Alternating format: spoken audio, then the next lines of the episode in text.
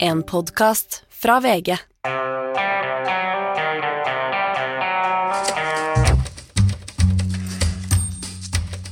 Ikke visste jeg at alle disse ministrene som kom og gikk, de var selve Jonas Gahr Støres uh, regjering. Sånn er det i nyhetsbransjen. Vi spiller inn eh, podkaster og går hjem og skal ta helg. Og så kommer disse nyhetene og gjør at vi må jobbe mer, Gahr. Sånn er det og dette livet, Anders. Men det er helt sjølvalgt, og det er jo dette som gjør journalistlivet verdt å leve, syns jeg. Ja. Nei, det er, det er som han sier i Gudfaren, dette er livet vi har valgt, eh, når de begynner å skyte hverandre på det verste. Eh, Dette er altså en nylagt intro eh, til denne podkasten, som vi da har spilt inn i morgentimene eh, på lørdag. Og så blir det vanlig, kommer følge vanlige mediebobler eh, etter det. Men altså, interessant stykke mediedynamikk i går.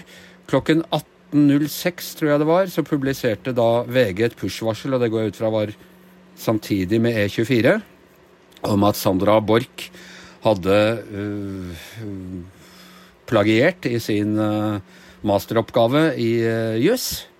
Og en time og 54 minutter senere så sto hun fram på pressekonferanse og gikk av. Det må være noe av rekord i, i rask, raskt ta ansvar for handlingene sine. Ja, det er nesten rekord. Eh, Vi hadde en eh, statsråd som eh, Det begynner vel å bli et par år siden nå, også i samme regjering, som eh, gikk av der det tok enda kortere tid, og det var Odd Roger Enoksen. Der tror jeg man var på under timen fra nyheten slapp til eh, det gikk, ble klart at han kom til å gå av. Ok, så det er ikke rekord, altså. Nei, det er ikke Eh, rekord, men det er veldig fort, i alle fall, kan man si. Så her var det Ja, vel ingen ja. tvil i denne saken.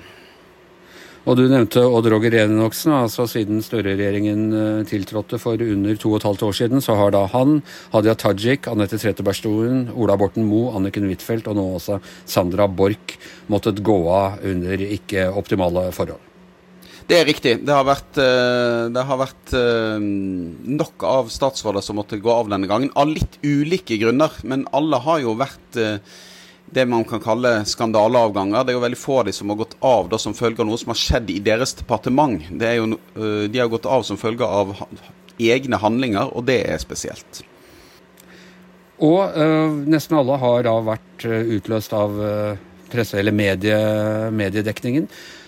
En litt gammel myte dette blant journalister at det er det, liksom det høyeste du kan oppnå å få en statsråd til å gå av. Er det en, medfører det noe riktighet? Med, jeg vil si at det medfører en viss riktighet. Eh, ikke det at det nødvendigvis at en statsråd må gå av, men jeg tror mange journalister, når de oppdager noe de ser på som alvorlig og spesielt, at det skal få en eller annen form for konsekvens. Men jeg pleier å advare mot denne ønsket om at noen skal gå av, for det kan òg føre til at journalistikken tar gal retning, at man holder på for lenge, og at man graver seg ned i detaljene. Men i denne saken så var det jo ikke flere artikler og et mediedrev som førte til at noen gikk av. Dette var jo én artikkel, ett funn, eh, som førte til det. Og eh, noe av det som selvfølgelig bidro til eh, belastningen for Sandra Borch, var jo at hun og hennes departement har forfulgt en student eh, helt til Høyesterett for å ha plagiert seg selv. Det. Det er sant. Det har jo vært mange artikler om dette, og mye debatt rundt det. Altså hvor går grensene egentlig for fusk i, eh, i, eh, innen høyere utdanning? Eh, Og der syns jo mange at myndighetene har lagt seg på et for strengt nivå, og at konsekvensene har blitt for tøffe for studentene. Men der har jo Sandra Borch da vært ute og støttet den linjen som nå ligger, og mener at det er viktig å slå hardt ned på juks og plagiering i, eh, innenfor eh, utdanningssektoren. Tror du hvis hun ikke hadde gjort det, at hun kunne ha sittet jeg holdt på å si noen timer til? Eller at, at da, eh, da kunne vi ha fått en litt mer sånn Ola Borten Moe, han skulle sjekke litt, han følte at han ennå hadde tillit eh, litt sånn mer frem og tilbake?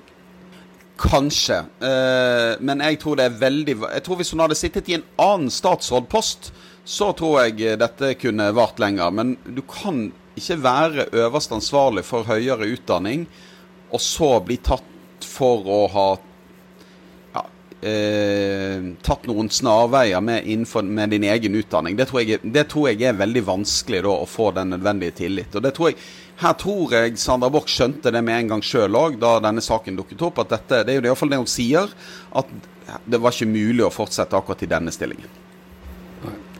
Uh, vi snakket jo da om hvorvidt det er et uh, journalistisk mål å få statsråder til å gå av. Det er, det er klart at dette er jo saker vi kan slå oss litt på brystet og snakke om samfunnsoppdrag, og vi holder uh, myndighetene ansvarlig osv. Men det er vel også en smerteterskel for hvor bra det er. Altså Denne regjeringen begynner å bli ganske alvorlig svekket eh, som, som, følge av alle disse sakene. Og det har noe å si med hva det gjør med politikerforakt. Vi har også hatt eh, da både Erna Solberg og Bjørnar Moxnes-saken. Er du bekymra eh, for hva dette kan ha å si for eh, tilliten til politikerne, ikke, ikke mediene?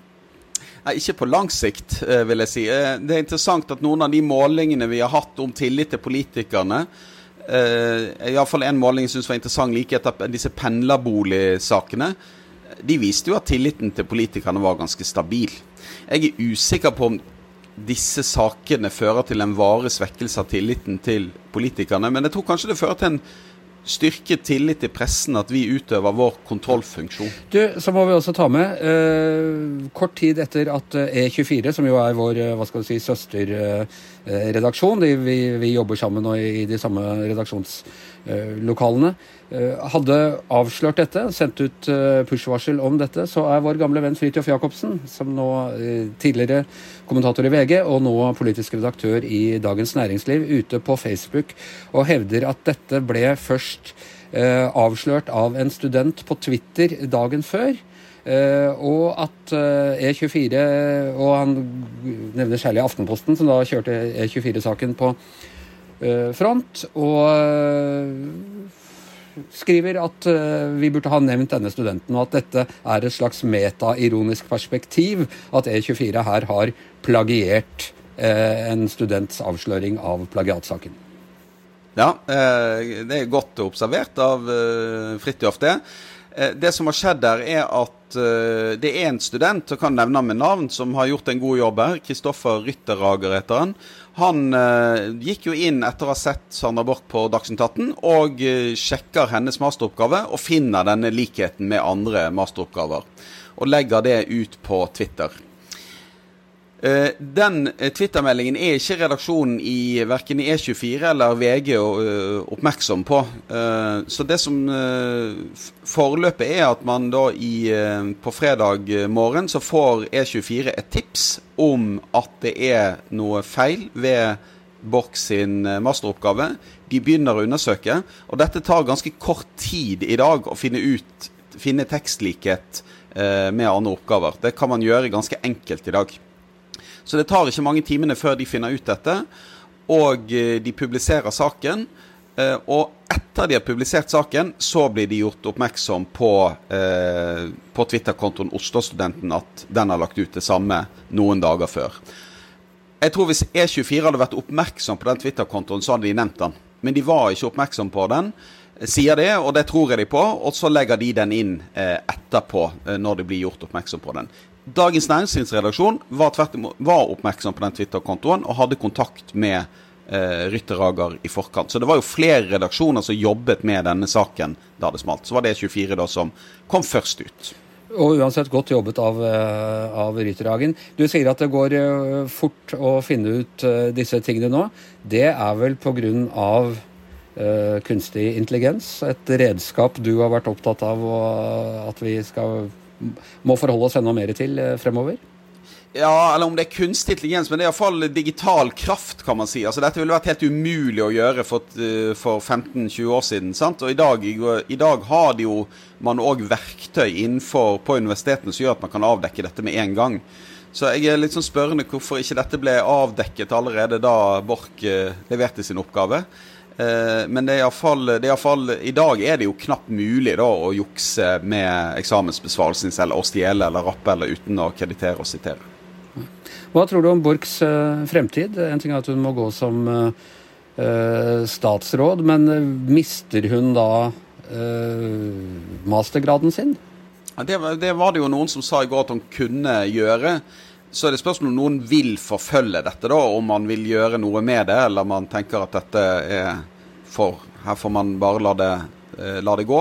Men jeg tror Borch kan komme tilbake i, eh, i toppolitikken om, hvis hun ønsker det. Hun er, vil jo være stortingsrepresentant fortsatt. Og jeg er litt opptatt av det òg at det er jo noe, politikere må jo kunne gjøre feil uh, uten at det betyr at de får en livstids, livstidsstraff. Man må på en måte kunne ta konsekvensen av én feil, men den trenger jo ikke nødvendigvis å gjøre at den karrieren deres som politikere er over. Der tror jeg vi skal være litt rause også med politikere. Og da kan vi si til trøst for Sandra Borch at en som i sin tid fikk avslørt store plagiatsaker og siden gjorde det helt ålreit, det var Joe Biden. Han måtte, han måtte, trekke seg fra én presidentkampanje i sin tid. Han dukket opp igjen og stilte opp mot Obama, tapte der, ble visepresident, og så har han til slutt blitt president. Så håper hun kommer tilbake. Hun er litt yngre enn det Joe Biden er, riktignok. Ja, la oss håpe hun slipper å vente til hun blir eh, ja, seint i 70-årene før hun får muligheten.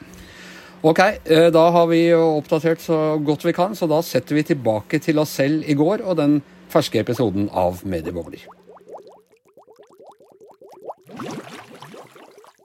Begynner bare med å nevne gjesten vår. Eh, det er Vebjørn Selbekk, redaktør i den kristne dagsavisen Dagen.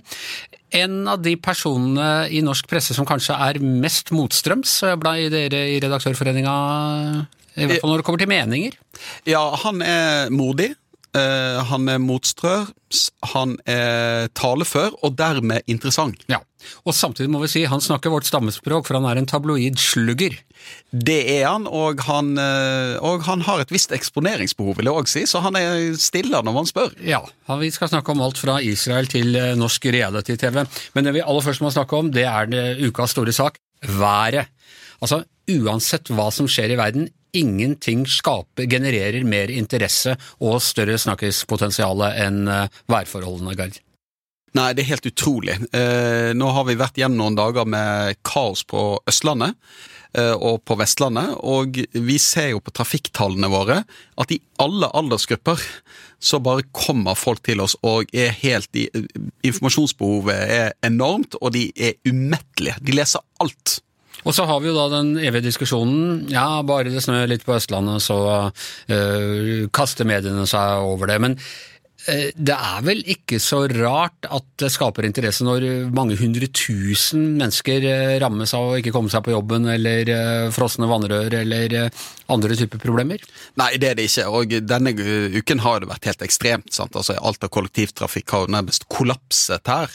Eh, og jeg er helt enig i at man skal ikke være så nærsynt at vi ikke forstår at været i Nord-Norge noen ganger er verre enn på Østlandet, men konsekvensene av dårlig vær har jo en tendens til å bli enda mer omfattende på Østlandet. Ja. Noe som helt klart er tabbe, og som vi får ta i glasshusspalta vår, det er at vi tok livet av Arne Hjeltnes denne uka, Gard. Ja, I sånne rettelser så pleier man å skrive 'ved en inkurie kom vi til' uh, å ta livet av eh, Arne Hjeltnes. Uh, og det som skjer her, er at når man lager nettaviser, så lager man ulike overskrifter til en sak, og så tester man disse på forsiden. Så ser man da hvilket bilde og hvilken tittel er det som fungerer best. Og da kan man lage ulike varianter av, av den på forsiden. Og der hadde man da de, det var riktig i den originale saken, og så var det en uheldig sjel da, som satt på desken og lagde en annen tittel, og så hadde vedkommende det eh, han har kalt en hjerneblødning, og kom i skade for å skrive Arne i stedet for Knut. Og Den feilen oppdaget man etter to minutter.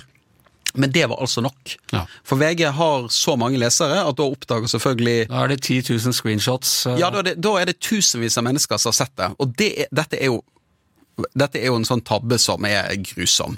Og da må jo da vi ta opp telefonen, ringe til Arne Hjeltnes så fort som mulig, beklage og rette og bare legge oss eh, flate. Mm.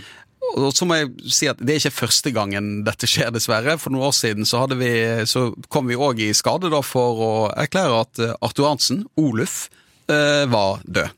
Og han tok det, i likhet med Arne Hjeltnes, med fatning da vi ringte han og beklaget. De får jo da sjansen til å rykke ut på samme måte som Mark Twain i sin tid gjorde da han ble meldt død, og skrive at ryktene om min død er sterkt overdrevet. I sin tid, da, da, Osama bin Laden ble drept, så sto det jo i store deler av verdenspressen Jeg tror også det sto et sekund eller to på fronten av VG at Obama var drept av eh, elitesoldater. Og vi klarte også her i, for et par år siden å skrive at Hadia Tajik og um, Trond Giske hadde fått sitt andre barn sammen. Det er riktig. Og det er feil som er kanskje mer humoristiske enn uh, alvorlige, for de er så åpenbart feil, noen av de, men akkurat det der når noen tar livet av feil person, når, når tar livet av feil person det, er, liksom, det er et litt sånn mareritt, altså. Ja. At, man, at, man, gjør det. Jeg skulle Se og høre, klarte da kongen døde, så var det kjente nordmenn Eh, som uttalte seg om dette, bl.a. Torbjørn Egner, som strengt tatt var død et par uker tidligere. Det var også en litt eh, lei Ja, og NTB hadde jo òg en feil for noen år siden der de sendte ut et sånt push-varsel, en hastemelding om at eh, kongen var gått bort. Og det var jo en teknisk feil hos NTB som gjorde det. Og da kan vi eh, ønske velkommen eh, ukas gjest, eh, redaktør i den kristne dagsavisen Dagen. Han er mottaker av Fritt Ords honnørpris, og han er en motstemme. En ekte kontrær stemme, ikke sånn posør-kontrær, en ekte kontrær stemme i norske medier. Velkommen, Vebjørn Selbekk. Tusen takk for det. Vi skal snakke med deg om Israel og om Trump og om religion i mediene og masse sånne ting hvor du har eh, litt kontrære meninger. Men først av alt, jeg tror kanskje de aller fleste kjenner til deg fordi du har vært med i Kjendisfarmen, og nå er i det som må kalles, for å bruke teologisk uttrykk, Kjendisfarmens skjærsild. Ja. Torpet. Ja. Torpet er altså der du kan havne etter å ha vært i Kjendisfarmen, blitt stemt ut og for å vil komme tilbake igjen? Det er det, men i mitt tilfelle så er det jo sånn at uh, de som har vært med på Farmen kjendis et tidligere år, kan få da tilbud om å være med fra starten i uh, Torpet kjendis. Og det er sånn jeg havna på et gårdsbruk, et lite småbruk oppe i Stange her i, i mai-juni i år. Men det var en kjempeflott opplevelse, og jeg hadde jo en så ekstremt hyggelig og fin uh, tid på, på, Farmen, sånn at jeg har jo egentlig Du vil heller være der enn her, du? Nei, men jeg har lengta litt tilbake til det universet, da. Men du, jeg må si, altså, som følge av dette, så har du jo da, med din evne til å havne, havne i, uh, i stormens øye vært, altså Eneste saken denne uka vel som har konkurrert med været, Gard, det var den med at Anne Kat. Hærland trakk seg fra Farmen? Det er riktig, den var det voldsom interesse for. Ja, Og hvem står der når Anne-Kat. Eh, tar farvel med de andre bøndene på Farmen, om ikke Vebjørn Selbekk? Ja da, det var, det var, vi var jo der inne vi egentlig som spøkelsesjegere, vi som var fra, fra Torpet. Det er jo, vi var tilkalt for å gjøre noe med, med hjemsøkelsen av gården der. Eh, og så, så, sånn, sånn, var vi der, da. Men det havna jo midt oppi dramaet med, med Anne Katt Hærland der, og, og, eh, som du sier, sto jo der eh, da, da noen av de harde ordene falt. og hadde jo en, Var litt skuffa over at TV 2 klippa bort det, men hun hadde jo en litt sånn harang om, om Jesus også. Når jeg sto der, så henvendte meg, hun mente at sånn som TV 2 hadde behandla, det ville aldri Jesus ha gjort. Så det syns jeg var sånt der, en sånn one-liner som Var du, enig med henne? Eh, jeg vet ikke altså om det er eh, Om han hadde hatt så sterke meninger om, eh, om akkurat eh, TV 2s behandling der, men, men jeg skjønner jo poenget hennes. Og det er jo klart at det var, det var en av de fine tingene med, med Farmen kjendissesongen i år, er jo at man, man har jo med to med ganske store handikap. Og jeg opplevde at man hadde lagt godt til rette, da. Men, men det er klart at uh, det var jo noen episoder der der hun sikkert har en, en berettiget kritikk av produksjonen òg. Men du, eh, hun gikk jo da av prinsipielle årsaker på behandlingen og, tilretteleggingen. Men du hadde også dine, eh, hadde dine reservasjoner i den episoden som var? Ja, det gjelder jo den her eh, Den åndeutdrivelsesseansen, da, som, eh, som, er der. Og, og eh, vi ble jo sendt inn der, som nevnt, fra, fra Torpet for å, for å, hjelpe dem med noen noe spøkelser og noe greier. da, og, og det er jo bare det er, jo, det er jo, tull og tøys. ikke sant? Dere var Ghostbusters? Ja, vi var Ghostbusters. ikke sant? Og det er jo Men, men selve den, jeg hadde jo innsikt i den seremonien, for vi hadde jo Vi hadde jo en sånn svartebok på, på Torpet. Og hadde jo sett den seremonien som vi skulle gjennomføre da. Og der var det en del ting som, som det var litt vanskelig for meg å være med på. Blant annet så var det liksom besvergelser i Faderens og Sønnen og Den hellige ånds navn, og det var Man skulle tegne korsets tegn med dyreblod i panna på deltakerne og sånt. Og da, da tenkte jeg at Veldig okkulte dere, det, det, det, det, står jeg over, men, men jeg ville jo ikke eh, lage noe bråk. Det gjør jeg jo aldri, som kjent. Sånn at jeg trakk meg jo bare stille og rolig eh, tilbake der, så fikk de andre eh, gjennomføre den seremonien, da. Ja, Og det var ikke noen problemer med det? Nei, da opplevde jeg stor grad av forståelse for det. Vi hadde jo snakka gjennom det, vi, vi fire Torpe-deltakerne som det var da. da. Vi hadde jo snakka gjennom det og opplevde en, stor respekt for, for, mitt syn der, ja. ja. Du, og dette krasjer altså med ditt kristne livssyn, og du er pinsevenn, er det det som er den Ja, jeg er jo vokst opp i den delen av, av kristenheten, og har jo gått på Livets Ords bibelskole i, i, Sverige, for øvrig sammen både med Carola Heggquist og Runar Søgaard. Uh, så det er jo det som er bakgrunnen min. Men nå er det jo Og dere gikk i klasse sammen, liksom? Ja, de gikk vel i andre klasse, hvis jeg gikk i første klasse. Så det var flere år. Det var de store, kule andre klasse? Ja, ja, men det var jo og det var jo over 1000 elever der. Altså, det, var, det, var, det, var, svære greier. snakker vi om slutten av 80-tallet, begynnelsen av 90-tallet. Men nå er det jo da I 2010 så meldte jeg meg inn i Den norske kirke, og har, har vært medlem der siden da. Tror du på dommedag slik den er skildret i Johannes' åpenbaring? Ja, jeg tenker jo det at hvis du først skal eh, ha en tro, tro, så bør du jo så bør du på en måte tro på hele pakka. da. Eh, det som jeg advarer litt mot, det er jo de eh, veldig hva skal jeg si, dagsaktuelle tolkningene mm. av, eh, av, religiøse skrifter. Og der er det jo mange opp igjennom både kirkehistorien og vanlig historie som har blitt en slags eh, hva skal jeg si, kristenhetens Nostradamus, med, med forutsigelser som ikke har, eh, har slått til. Så, så det, er jeg, eh, det er litt skeptisk til. Men det at det en dag skal ta slutt, det er jo noe vi bekjenner i Den eh, norske kirke hver, hver, søndag. At Jesus skal derfra komme igjen for å dømme levende og døde. Det og er en del av kristen tro. Jerusalem og Israel spiller en sentral rolle i dette scenarioet. Jo, men der også er jeg, er jeg veldig opptatt av å ikke blande ting. Fordi at eh, jeg tror det, det farligste med Midtøsten-konflikten er jo å gjøre den til en eh, religiøs eh, konflikt. Eh, det er det mange nok som, som, som driver med. Men jeg tror, igjen da viser til det forrige jeg sa, at man skal være veldig forsiktig med dette her, med, med denne typen eh, aktualiseringer. Og det er jo ikke sånn at fordi at man har en tro, så er det sånn at stater ikke skal forholde seg til Eh, allmenne lover og regler i det internasjonale samfunnet. Man kan ikke påberope seg guddommelige autoriteter for å, for å, ikke etterleve det. Så, så, eh, så, jeg er opptatt av en type sunnhet i dette her. Ja, jeg, jeg, jeg er en konservativ kristen. Jeg har, et, jeg har ikke noe problem med å, med å, si at jeg tror på, på Bibelen og bibelske eh, materiale, men, men, samtidig ha en sunnhet i det, og ikke, ikke skjene ut i, i altfor eh, vidløftige, aktuelle tolkninger av det. Men eh, betyr det at eh, din tro på den bokstavtro-tolkningen eh, av Bibelen har ikke hatt noe å si for din oppfattelse av konflikten i Midtøsten?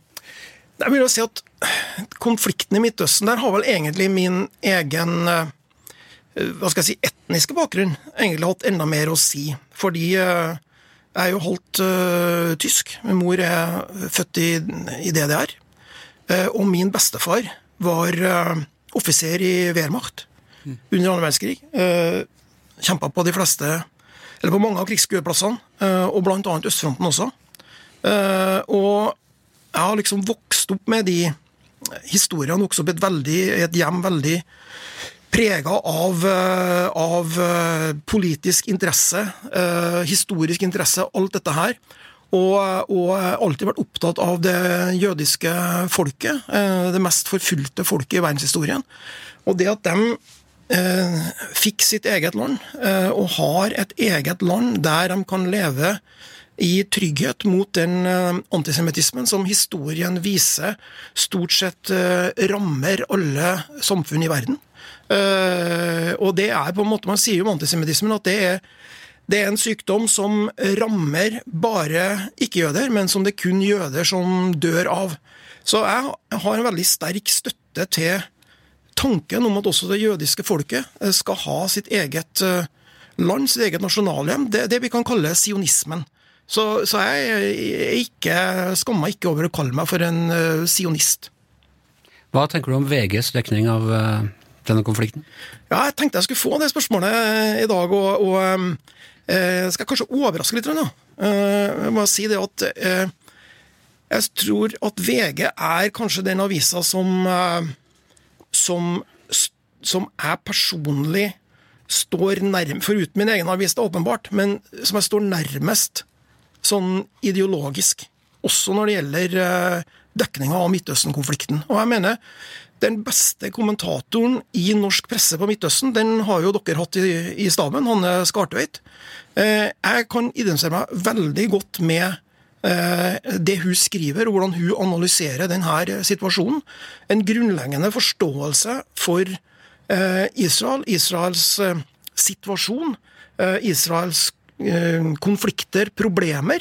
Uh, og ja, det syns jeg rett og slett en, har, har, vært en veldig veldig god stemme. og Håper vi, vi får uh, høre mer til oss, selv om også hun har uh, noe godt av som politisk redaktør. Hva syns du om kritikken både mot Hannes Gate sine tekster, men òg mot dekningen. For det er ikke noe tvil om at eh, du representerer et mindretall i, tror jeg, i, eh, i vurderingen av VGs dekning. Det vi får mest kritikk for, det er at vi ikke i stor nok grad kritiserer uh, Israel. Uh, og at vi ikke tar Kan du si uh, Dekker det med stor nok tyngde, da, eller mer eksplisitt dekning av lidelsene i Gaza. Altså, det med eksplisitt dekning av lidelsene i Gaza er jo, er jo, litt vanskelig, fordi at uh, journalister slipper ikke inn på Gazastripa. Så det er jo et, det er jo et problem som, uh, som man har der. Men, men jeg syns at både VG og resten av norsk presse har dekka det på en god måte. Jeg tror ingen, ingen nordmann, hvis man er ærlig, er i tvil om at det som skjer på Gazastripa nå, er helt forferdelig. At det er et, et en en forferdelig menneskelig lidelse og en tragedie som pågår eh, på Gazastripa, med, med de, militære aksjonene og de kampene som pågår der.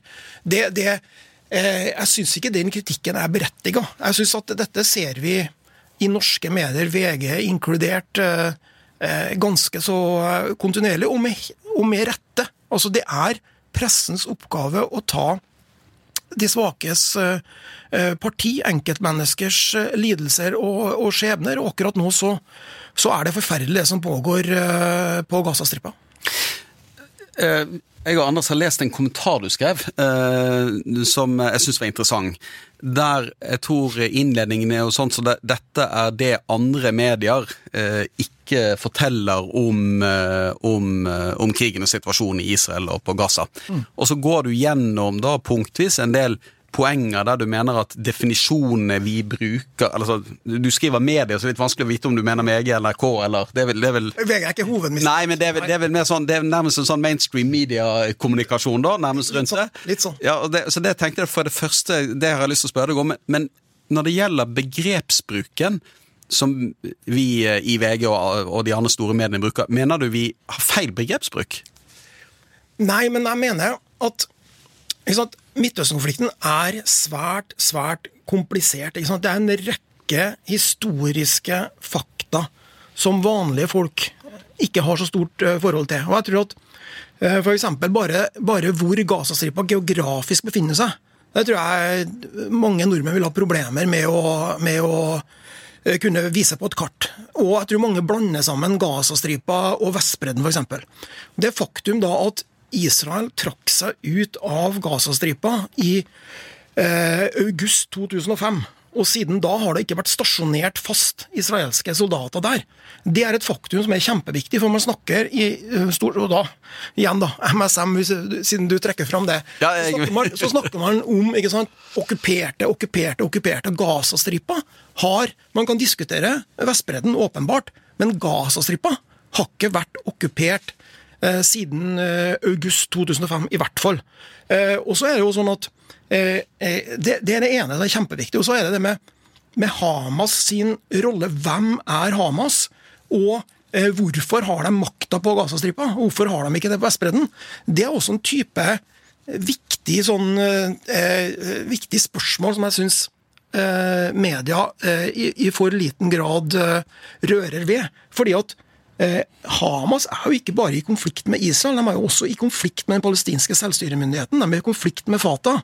De tok makta på Gazastripa med vold. Det var en kort borger, borgerkrig der eh, eh, sommeren 2007. Man kasta ut, eh, ut uh, selvstyreadministrasjonen, Fatah, Abbas sitt, uh, sitt parti, og har altså da styrt Gazastripa eh, siden. De, den typen fakta eh, mener jeg mangler i, eh, i eh, analysen av, eh, av eh, Midtøsten-konflikten, og det tror jeg også er med på å gi det norske folk et litt skjevt bilde, da. Jeg syns det er interessant, for da jeg leste den teksten din, så tenkte jeg en del av de poengene du har rundt dekningen vår, det er innenfor de, noen av de begrepene og fakta, som du sier, som vi har ganske kompliserte diskusjoner om i reduksjonen i VG. Fordi at jeg tror at vi kunne invitert en annen gjest som ville argumentert for at dine fakta, at det fins andre fakta som bør ligge til grunn i, for dekningen vår. Så når vi omtaler dette, så prøver vi å legge oss på et sånt jeg skal ikke si et minste felles multiplum, men du prøver å gjøre disse beskrivelsene så, så nøytrale som mulig for å fange på en måte For å få tillit hos alle, eh, hos begge parter i denne konflikten. Og så heller være veldig faktuelle i beskrivelsen av det som skjer. Men det, det er jo ofte noe av det vi får mest tilbakemeldinger på. det er Hvorfor bruker man ikke terrororganisasjon om det ene, eller hvorfor kaller man det ikke okkupasjon? Eh, Det, vi får veldig mange av den type tilbakemeldinger. Folkemord er sånn Ja, krav om så så det, er, det, det er litt sånn, det er litt Og dette syns jeg er uhyre komplisert. Ja. Fordi at vi prøver i vår dekning egentlig å At vi vil at flest mulig skal ha tillit til at når de leser våre reportasjer, så vil de bare skal forstå at dette er det som skjer.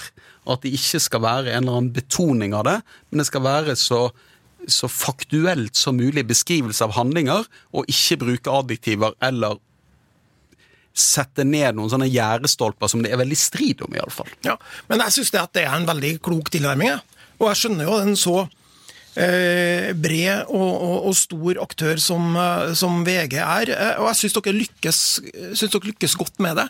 Og, Og Vær litt mer kritisk nå, Vebjørn. jo, men altså, som, men som jeg sier, så jeg hadde jo Jeg skrøt jo av VG i starten her, og av, Skartet, og, jeg, jeg mener virkelig, da. Det er, og, la meg si en annen ting, da. Som, jeg syns jo at den norske media generelt sin dekning av Midtøsten-konflikten er mer balansert i dag enn den var 10-20-30 år tilbake i tid. Altså, jeg mener at det har, det har blitt mer journalistikk. Det er flere som tenker som dere gjør i det spørsmålet her, eh, og mindre mindre eh, hva skal jeg si eh, synsing. Og så er det òg mer plass til flere syn da, eh, enn det var før. Og det syns jeg er, bra. Sånn at, eh, sånn at eh, i, i dette spørsmålet her syns jeg det går i, eh, i riktig retning. Hva tenker du om norske mediers Trump-dekning? Ja, der, eh, er jeg Der er jeg eh, veldig positiv. Jeg syns at den får den plassen som det fortjener. Dette er, Jeg skrev en leder rett før jul at skrev noe sånt som at av alle de truslene i, i, eh, som, kan, som kan skje i 2024, så er det at Donald Trump vinner presidentvalget i november, det er en av de største. Og det er også en av de som kan ha størst påvirkning på Norge og vår sikkerhetspolitiske stilling eh, i Europa, med en stor, mektig nabo i øst. Eh, sånn at eh, Der syns jeg man, redaksjonen Norge bruker mye ressurser, og at det, eh, at det absolutt er på sin plass. Det jeg kanskje kunne ha tenkt meg eh, mer dekning av, og som, som, som, jeg tror kanskje er en viktig del av Trump-pakken, som eh, eh, nordmenn har litt vanskelig for å forstå, det er den sterke kristne støtten til Trump i USA. Det er en og det tror jeg, Grunnen til at det er litt vanskelig i Norge, det er at religion har en så mye mer privat og bortgjemt eh, posisjon i den norske offentligheten. Tro er noe som vi kanskje har eller ikke har, men i hvert fall snakker vi ikke om det. Altså Det må være helt klart. Mens i USA så er dette her noe helt annet. Tro er Hver gang du betaler med en dollarseddel, så er det på en måte en trosbekjennelse av at in God we trust. Det er, Tro er en så gjennomsyra del av det amerikanske samfunnet. Og dette har nordmenn eh, vanskelig å forstå, og dette påvirker også eh, amerikanske valg, og det påvirker også eh, støtten til, til, Trump, der han har, har en voldsom eh, fanskare i, i, amerikanske kristne miljø. Men det må si, og det er, altså Jeg er ikke kristen, men jeg har sans for det jeg oppfatter som kristen etikk, eh, som jeg mener på en måte er grunnlaget for, for all eh, vestlig etikk. Men jeg får det ikke til å rime at man lar eh, Donald Trump bli det fremste symbolet på eh, den forsvarer av, av eh, kristne verdier. Og jeg vet at du er, du er svært tydelig når du skriver om Trump, og det er vel det du har mest problemer med leserne dine med. Ikke alle leserne dine, men med et høylytt del av leserne dine. Og jeg ser i kommentarfeltet når du har skrevet en leder mot Trump, da får ja, du passet ditt påskrevet. Ja da, det, og det må man tåle. Det, det, får vi alle sammen, vi tre. Og det er en del av, eh, av jobben. Eh, men, men, jeg er jo helt enig. Altså, eh, at en mann med et så En playboy med et så nattsvart kvinnesyn som det Donald Trump har, skulle bli amerikanske kristenfolkets favoritt, nærmest frelser. Det, det, det har, det må jeg være helt ærlig å si at det har anfekta meg litt også når det gjelder Det påvirka litt mitt syn på USA og mitt mm. syn på amerikansk kristenhet.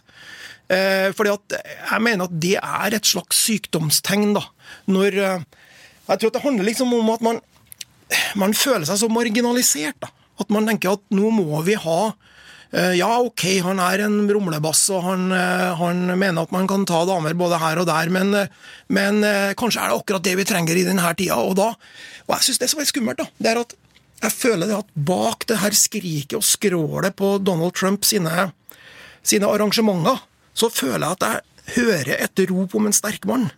Og det bekymrer meg, altså. Eh, og den polariseringen som vi nå ser i USA, den, den, eh, Det er virkelig en av de store truslene mot uh, den samfunnsordenen som vi har i dag, tror jeg. Jeg vil tro at i eh, Dette har vi ingen statistikk på, men jeg tror at det vil det er ganske få med et, med et livssyn som jobber i norske redaksjoner. Det, det er min svogerforskning. Det er noen, men det er ikke mange.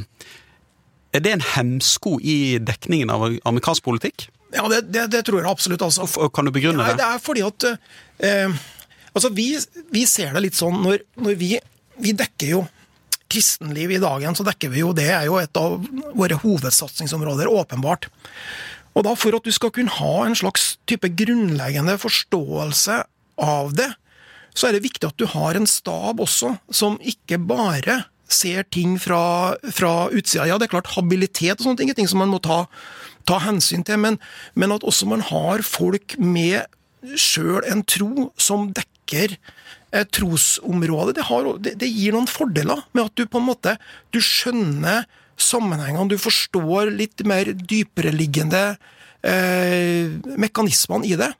Og, og, jeg tror at eh, det her, som jeg var inne på, her tror jeg at norsk dekning av Trump og grunnen for hans popularitet kommer litt til kort, nettopp fordi jeg tror du har rett i, dette, i den svogerforskninga du har, eh, har foretatt, at det er lite, lite folk med som er aktive i, i kristne sammenhenger, som, som, jobber i norsk presse.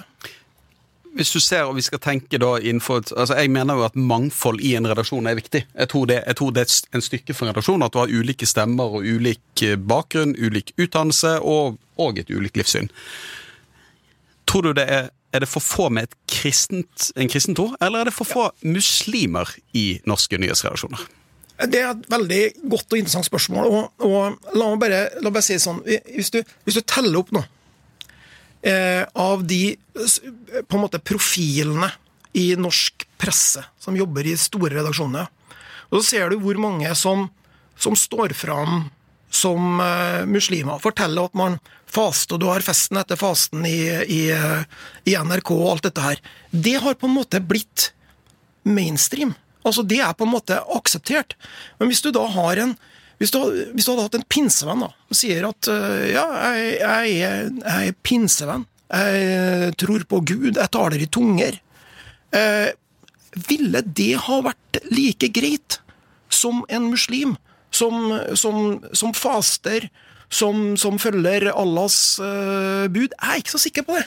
Jeg tror at her er det noen ting med, med dette med en type majoritetsreligion som vi har sett, vi har sett på kristendommen på opp gjennom uh, århundrene, også i vår egen tid, som slår inn. da, At det er liksom uh, Og litt det her allmenn det er litt mer det her allmennreligiøse i Norge, at tro snakker vi ikke om. I hvert fall ikke kristen tro. Så jeg tror kanskje at uh, det er vanskeligere å være en aktiv kristen, og definitivt med en frikirkelig bakgrunn, enn det vil være å være en muslim i Norge i norske redaksjoner. redaksjoner. Hva eh, mener dere? Det, ja, jeg spør redaktøren. Nei, jeg, eh, jeg, jeg syns det er et interessant spørsmål. Det jeg vil, det jeg vil si på det Du må jo se òg, som du sier, at det er viktig Jeg tror det er lettere for en vanlig ansatt i VG å forstå eh, frikirker enn det å forstå en del eh, ja, muslimske miljøer. Jeg tror at der vi har størst blindsone, da, det er at vi ikke har nok kilder, ikke nok forståelse i en del innvandrermiljøer i Norge. Eh, så jeg mener at vi har et større manko på den type nettverk og kompetanse i norske redaksjoner i dag. Og Hvis du går opp i VG her, så er det en del med innvandrerbakgrunn, og det er sikkert noen som er Eller jeg vet det er noen. Folk med pinse. Det er pinsevenner òg. Vi har litt av begge deler. Men der jeg merker at vi kommer litt til kort Kjenner jeg meg. Ja, det gjør det. Der vi kommer til kort ofte, det er at vi har uh, for, lit, for, få kilder. Vi vet for lite om hva som rører seg i disse miljøene. Vi vet for lite om hvor, uh, hvilke problemer som er der. Og da tror jeg dekningen vår blir mindre innsiktsfull òg. Så opplever jeg det, den utfordringen som mindre når det gjelder de kristne miljøene i Norge. Men jeg tror du kan ha rett i det at når man sitter på et redaksjonsmøte og diskuterer en eller annen problematikk som gjelder eh, ja, La oss si det gjelder pinsemenigheten, da. Så, uh, så er det ikke sikkert du får disse perspektivene inn i diskusjonen om sakene også der. Uh, og det husker jeg, Vi møtte jo hverandre i debatt for noen år siden, der vi drev og skrev litt om, uh, om en mirakelpredikant. Sant? Og Der merket jeg jo at det var jo ganske stor avstand da jeg var og ble møtt. Der jeg var ute og forsvarte den journalistikken i en del kristne miljøer. At jeg ble litt overrasket over en del reaksjoner på den saken. For meg var det så opplagt at dette var kvakksalveri, og at vi måtte skrive om det. Mens det var en mye større forståelse for egentlig uh, helbredelse da, mm. i de miljøene jeg var ute og diskuterte denne saken. Mm. Ja, jeg husker, det, jeg husker det, godt. Det var, det var veldig interessant. Men jeg syns jo at uh, akkurat det du gjorde der, det, det var jo veldig, veldig bra. Og noe som norske redaktører bør gjøre mye mer av. møte de vi skriver kritisk om, og tørre å på en måte face eh, resultatene av journalistikken vår, hvordan den påvirker mennesker og møter mennesker. Så det, Jeg husker jeg var veldig imponert eh, den gangen, både av at du sa ja og kom inn i løvens hule, og, og måten som du argumenterte på. Ja, det var ikke mye applaus å hente i den salen. der, Nei, vi sto jo på samme sida. Ja, ja, det husker det? Det det husker jeg, det husker jeg. For det er det som er med Vebjørn Selbjørg, at det tabloide det trumfer en god del av eh, andre ting hos han. Men du, jeg, jeg bare tenker, vi hadde for to uker siden så hadde vi mm, Simon Valvik eh, her i studio, som er da manageren til eh, Durek. Og han trekker fram, han er fra Kristiansand, tror jeg, eh, og han sier at det er, han har vokst opp i et miljø hvor det var eh, håndspåleggelse, hvor man ba for hverandre, hvor du kan kjøpe kors og, og diverse gjenstander som han mener ikke er så forskjellig fra det Durek eh, driver med, men at eh, dette lar norsk presse bare passere, mens når det kommer til krystallene til, til Durek, da eh, begynner vi å hyperventilere. Ja, men verken VG eller Dagen har gjort det da, når det gjelder den mirakelpredikanten vi snakker om her. Men jeg mener at det som, det som er problemet her, og som er kritikkverdig, det er ikke det religiøse i dette. At du tror på noen ting overnaturlig, at du tror på helbredelse, eller, eller hva det nå måtte være. Men det er kommersialiseringen av det, og utnyttelsen av sårbare menneskers frykt og håp og eh, dødsangst og, og alt dette her. Der mener jeg at både en del eh, kristne mirakelpredikanter og også sjaman Durek faller igjennom, og at det virkelig er viktig å, å gå etter eh, denne typen kommersi, kommersiell virksomhet eh, i dette landskapet. Det, det må, der har pressen en oppgave. eh, helt åpenbart for min del. Men kunne vi hatt større forståelse også for denne nyreligiøse New Age-bevegelsen og de religiøse behovene den på en måte møter? Ja, jeg, jeg, jeg har jo på en måte en Jeg er jo litt sånn positivt innstilt her òg, da. Eh, fordi at jeg mener at eh, religionen er jo i ferd med å gjøre et slags comeback i norske medier. Altså, eh, da jeg begynte som, som journalist da på, på slutten av 80-tallet, så følte jeg sånn det var, det var jo liksom opplest og vedtatt at religion det kommer til å spille en stadig mindre rolle. Og det kommer til å, i hvert fall definitivt i media, så kommer det, kommer til å, det kommer til å forsvinne, mer eller mindre. Men så er vi noen tiår lenger ned i, i, i gata her, og så er jo spørsmålet har det noen gang vært mer stoff om religion i norske medier enn det er i dag. Eh, og, og på godt og vondt. Altså, ikke sant, du har Du har konfliktene rundt religion, og konfliktene rundt islam, men, men også eh, Mirakelpredikantserien til, til VG, NRKs Brennpunkt-dokumentarer om, eh, om eh, religiøse samfunn, som jo har helt voldsomme seertall. Så det er en stor interesse for religion, og jeg tror at den er kanskje større i befolkninga i stort enn den er blant oss eh, kritiske, undersøkende, skupjaktende pressefolk. Apropos Scoop. Nå skal jeg eh, referere fra noe du sa på Scoop-debatten eh, På Scoop for et par år siden, så vil jeg lure på om du fortsatt står for. Der Vebjørn Sedberg mener medier unngår gravejournalistikk i muslimske menigheter for å ikke gi næring til høyrepopulister.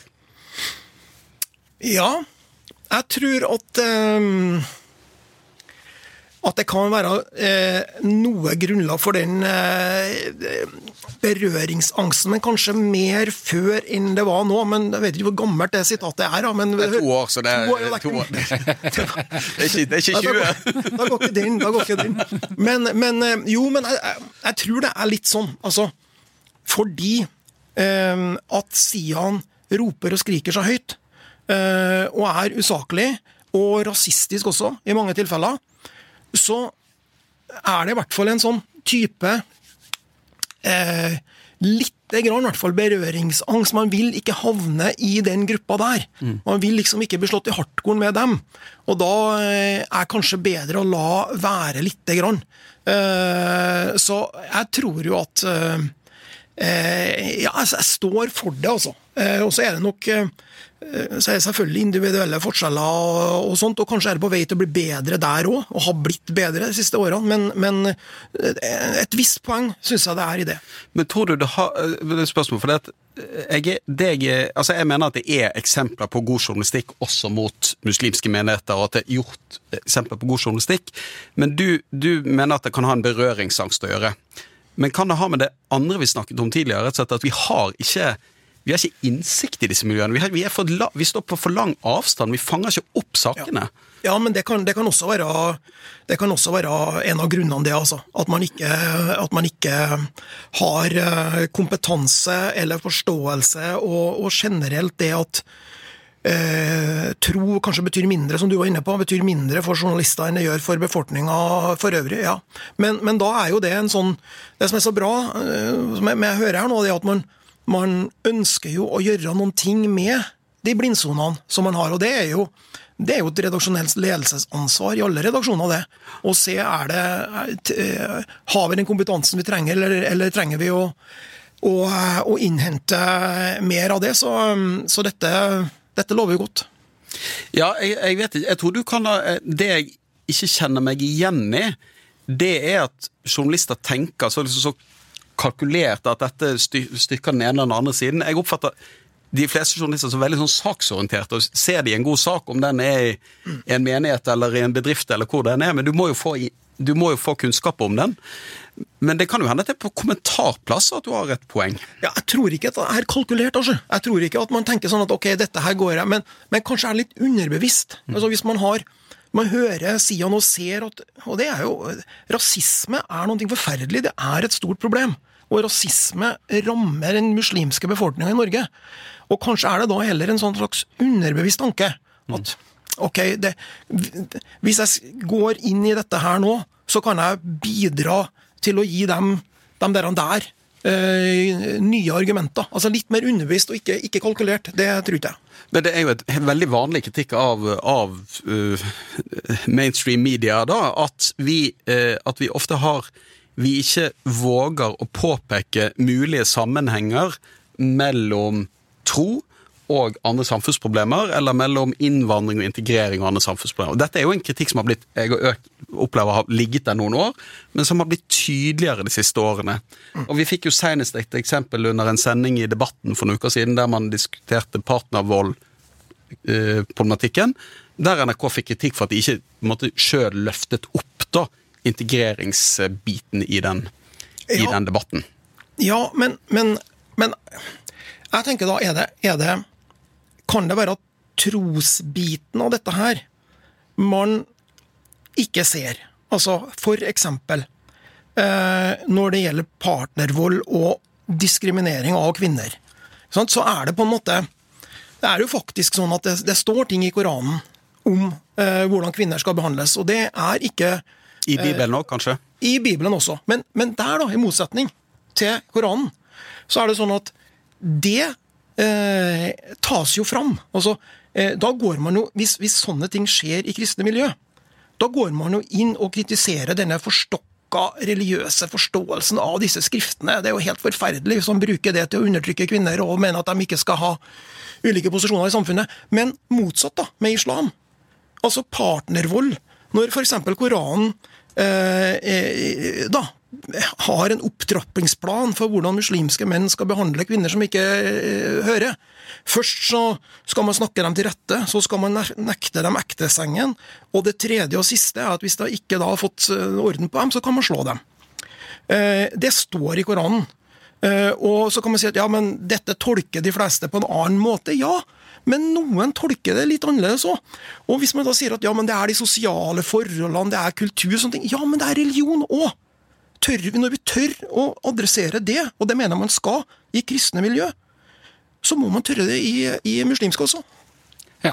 Når det gjelder alt dette med, med kritikk av um, islam, innvandring og sånne ting, så vil jeg igjen trekke frem en ikke tilstedeværende kommentator her, nemlig Hanne Skartveit, som jeg tror var blant de aller første i norsk presse som begynte å, å skrive om dette her uh, i uh, VG.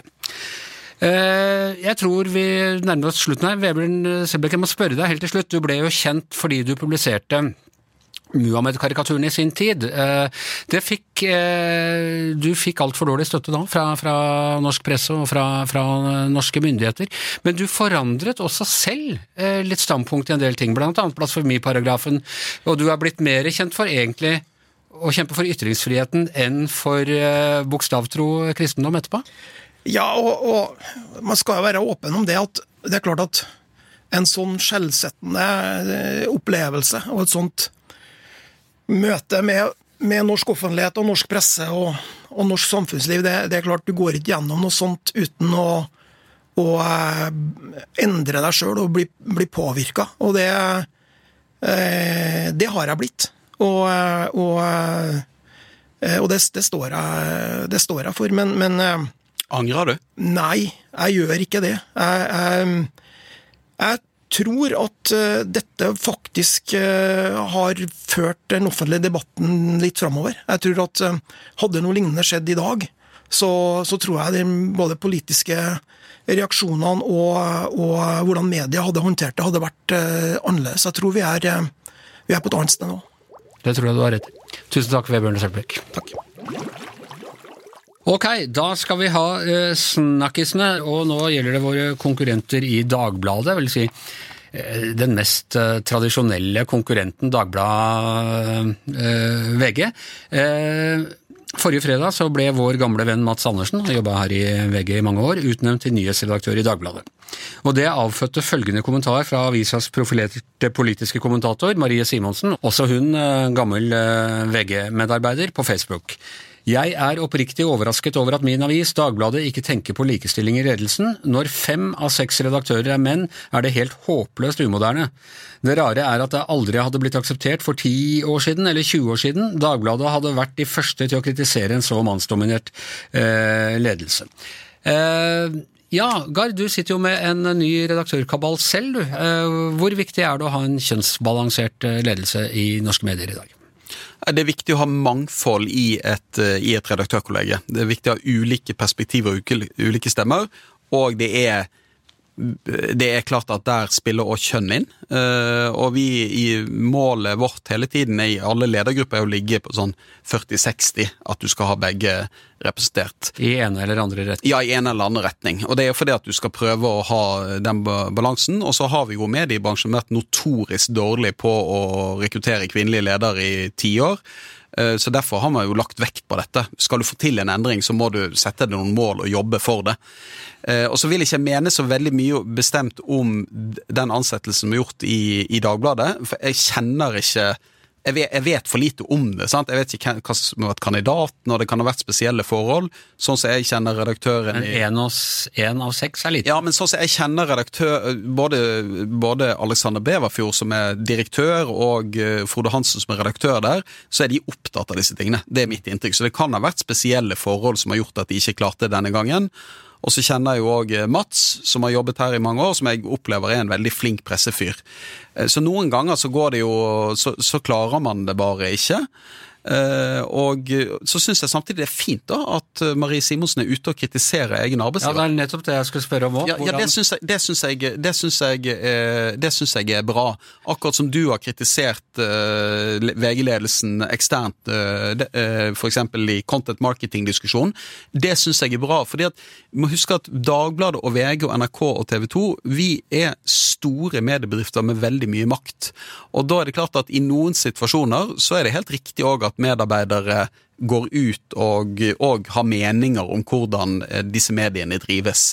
Eh, så er det jo grenser på en måte for hva man skal gå ut og mene noe om, men akkurat i disse som er sånn prinsipielle, viktige spørsmål, der syns jeg det er helt, eh, helt på sin plass. Skal vi også ta med, Da jeg begynte i VG i 2000, da var det én kvinne, Nina Gram, i den redaksjonelle ledelsen. Og da sjefredaktør Bernt Olufsen slutta Elleve år senere så var han eneste mannen. Eh, så det har gått litt fram og tilbake. Så vil jeg også si at Dagbladet har jo hatt to kvinnelige sjefredaktører, og VG har ikke hatt noen, så det er litt uh... Nei, og Jeg syns altså, ikke Dagbladet har vært noen, på ingen måte historisk sett noen versting på dette området. Tvert imot, de har vært ganske progressive på dette området. Uh, og så er det, tror jeg vi må forstå i en sånn situasjon der du skal gjøre omrokeringer i et redaktørkollegium i en ledergruppe, så er det ikke alltid man klarer å nå det målet, og det kan det være årsaker som jeg ikke kjenner til at det ble som det ble. Ja. Du, En siste ting om oss sjæl. Man eh, har jo noen bransjetidsskrift i, i uh, norske medier. Uh, det er Kampanje og Medie24, som er to sånne uavhengige redaksjoner. Og så er det Journalisten.no, som er Norsk Journalistlags medlemsblad, men som ligger åpent og tilgjengelig for alle som måtte være interessert. Journalisten.no hadde oppslaget 'Stor omorganisering. VG dropper egne foto- og podkastavdelinger' denne uka. Eh, og det er egentlig altså Vi kan komme tilbake til innholdet i saken, men det er ikke en helt ny sak. Eh, dette ble kjent i eh, november. Eh, da også, tror jeg, i journalisten, men i hvert fall i Medie24, som hadde samme saken. Men etter at journalisten slo opp dette nå, så kjører Medie24 en ny sak om dette. Og det er ikke at de fordi de hadde glemt at de hadde skrevet det. Det står i saken endringene er en del av omorganiseringen som Medie24 tidligere har omtalt. Og dette dette er en interessant sånn mediedynamikk, det har jeg opplevd mye eh, selv. Man lager en eller annen sak, og så kommer en stund senere kommer konkurrenten med samme saken. Og så Da må man liksom hive seg på og kjøre den en, eh, en gang til, samtidig som man skryter av ja, altså Det ble alltid sagt om Aftenposten at de hadde ofte sånn 'som Aftenposten lenge har kjent til' i, eh, i sin journalistikk. Og hva er dette for noe? Nei, Det var veldig rart denne uken. Eh, du har helt rett. Akkurat denne, Dette er jo en omorganisering i, eh, i VG. Eh, den ble Den har jo vært presentert på allmøter her lenge før jul. Og den til og med og den ble omtalt grundig i Media24. Det er så grundig at de faktisk var inne og gjorde et intervju med oss mm. der vi viste de det nye organisasjonskartet. Dette er jo ikke noe hemmelighet. Og så ble vi veldig overrasket, for da journalisten hadde plutselig oppdaget dette òg og skrev en sak der de egentlig skrev akkurat det samme som Media24. Eh, og så gikk dette, da var det mange aviser som siterte dette. Det, jeg tror faktisk NTB plukket det opp og lagde en sak på en, på en gammel nyhet. Men dette er en altså, De sies jo at journalistikk er forgjengelig, og her får du ekstrem Eller ikke ekstrem, du får en variant av ja. det. Fordi at hukommelsen i norske redaksjoner kan være ganske dårlig. Så når det dukker opp en ny sak, da, pluss eller ny, noe informasjon, så, eh, så omtaler man det. Og så vet, husker man ikke at dette er jo gammelt nytt. Dette er skrevet tidligere, kanskje i egen avis, men i alle fall andre redaksjoner. Men det er først da saken kanskje plutselig får eh, oppmerksomhet, og andre siterer det. Så det er litt tilfeldig når saker på en måte får oppmerksomhet. Jeg husker fra den tiden jeg, jeg, jeg var sommervikar i Dagbladet, det var på slutten av 80-tallet. Da, eh, da, hadde VG noen få år tidligere gått forbi Dagbladet i opplag, man skulte veldig til VG. Og da var det stadig sånn kjeft å få av ledelsen fordi vi ikke hadde de sakene VG hadde til enhver tid. Og ved et par anledninger hadde vi vært tidligere ute enn Dagbladet, og da, vi, da var det feil timing.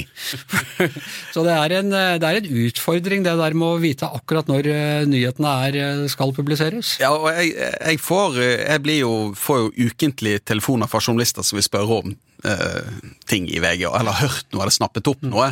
Og det er ofte jeg forteller de at dette ringte du og spurte om for tre uker siden, og svaret er akkurat det samme. Altså, eller det, det sto, det, dette, har du jo om, dette har du jo skrevet om tidligere. Men jeg tror dette, sær, dette skjer jo særlig i en del sånne, sånn som bransjemediene, som dekker jo et ganske lite Altså der nyhetsterskelen når det gjelder ting som skjer i VG og NRK for disse bransjemediene, er ganske lav. Ja. Det skal lite til for at det blir en sak for et, uh, for et bransjenettsted som Medie24 og Journalisten. Og det gjør jo òg at det blir litt reproduksjon av uh, nyheter. Men det skjer jo hos oss òg. Det er jo sånn at vi omtaler ting her, og så er det noen som sier noen i en annen del av redaksjonen. Men dette har jo vi fortalt om i en podkast tidligere. Dette, har vi jo skrevet jo, dette skrev vi jo om Eh, om, eh, om, for et halvt år siden. Og det må jeg si som redaktør òg. Av og til så kommer jo jeg løpende inn på nyhetsdesken og sier dette har vi skrevet om dette, har dere sett dette? Og så kan uh, disse nyhetssjefene sitte tettere på nyhetsbildet enn meg og si at ja, det skrev vi om i forrige uke, du må begynne å lese avisen din grundigere. Og så er det også en beskyttelsesmekanisme hos mange litt late journalister ja, det har jeg skrevet om før, og det ja, ja. Det er det òg, og det, det, du kan si er jo noen ganger at man klarer ikke å at når denne saken blir reprodusert av et annet medium, eller nyhetspoeng blir tatt opp igjen, så er det jo fordi den første saken kanskje ikke har vært god nok. Mm. At den rett og slett ikke har fått fram essensen i saken, eller konflikten i saken. Og når et nytt medium tar det opp, så får de fram det. da, Tidligere. Det er jo hele poenget i denne min absolutt favorittfilm når det gjelder journalistikk, eh, 'Spotlight', om eh, pedofiliavsløringene i den katolske kirken, først i USA, som da spredde seg over hele verden. Men der oppdager de jo, så er de sånn på slutten, så sitter de sånn litt selvkritisk i redaksjonen og sier 'hvorfor har vi ikke skrevet om det før, for dette hadde pågått en Så ser de at de har skrevet om det før, men de har bare ikke gjort Eh, så mye ut av det. Det har nærmest vært på sånn eh, notisplass. Jeg har et annet eksempel fra VG. Eh, for noen år siden så hadde vi en sak som het Tolga-saken, som vi vant den store journalistprisen for. Veldig, veldig grundig og viktig journalistikk. store deler av essensen i den saken, den ble publisert og trykket på en dobbeltside i VG ett år før saken ble nesten republisert i en annen form, med mer informasjon, naturligvis. Og da fikk den nasjonalt gjennomslag. Den første saken var det ingen som la merke til. Og det er, så det er interessant sant? At, du, at du noen ganger så treffer man bare ikke. Kanskje man har, mangler noe informasjon, noe vesentlig informasjon som liksom knekker saken opp, eller man løser det feil. Men det, er, det, det skjer rett som det er, altså at, at man skriver om temaer som, har, som er eksplosive, men at formen og timingen er ikke riktig. Nei. Dette var en lang vei for å egentlig stille deg spørsmålet skal VG droppe podkaster? Nei, det skal vi ikke. Eh, Dette har jeg eh, jo prøvd å forklare disse bransjemediene flere ganger. Det vi gjør, er at vi omorganiserer oss på en måte der vi ønsker at de som kan jobbe med podkast og jobbe med lyd, skal jobbe tettere på de store nyhetsmiljøene eh, vi har i VG. Og det gjør vi rett og slett fordi at tidligere var det sånn at du kunne ha noen som jobbet med papiravisen, noen som jobbet med nettavisen, noen som jobbet med VGTV. Men sånn som verden er blitt i dag, så smelter alle disse journalistiske disiplinene mer og mer sammen. Og du er nødt til å samarbeide mellom journalister med ulik kompetanse for å klare å tilby eh, nordmenn eh, journalistikken i alle formater. Ja. Så det blir både foto og podkast i VG også? i Det blir foto og podkast, det blir eh, TV, og det blir eh, bilder, og det blir tekst. Og skal- kommentarer, Og kommentarer. Vi skal tilby alt. Og så tror jeg òg at dette tror jeg interesserer oss som jobber i mediene. Og så tror jeg at våre brukere og lesere, om du sitter i den avdelingen eller på det ene kontor, eller du jobber med den ene eller den andre, Anders, det tror jeg egentlig ikke de bryr seg så mye om. Jeg er opptatt av at jeg har en god kontorplass og bra utsikt. Det, na, du er kanskje unntaket, Anders. Der har du kanskje forhold godt tilrettelagt for eldre. det, det er akkurat seniorpolitikken det kan, kan de være opptatt av. Ikke sant? Ikke sant? Det betyr i hvert fall at vi er tilbake eh, neste uke, eh, men Mediebobler er over for i dag. Tusen takk til Gard Steiro, jeg heter Anders Giæver, og vår produsent er Magne Antonsen.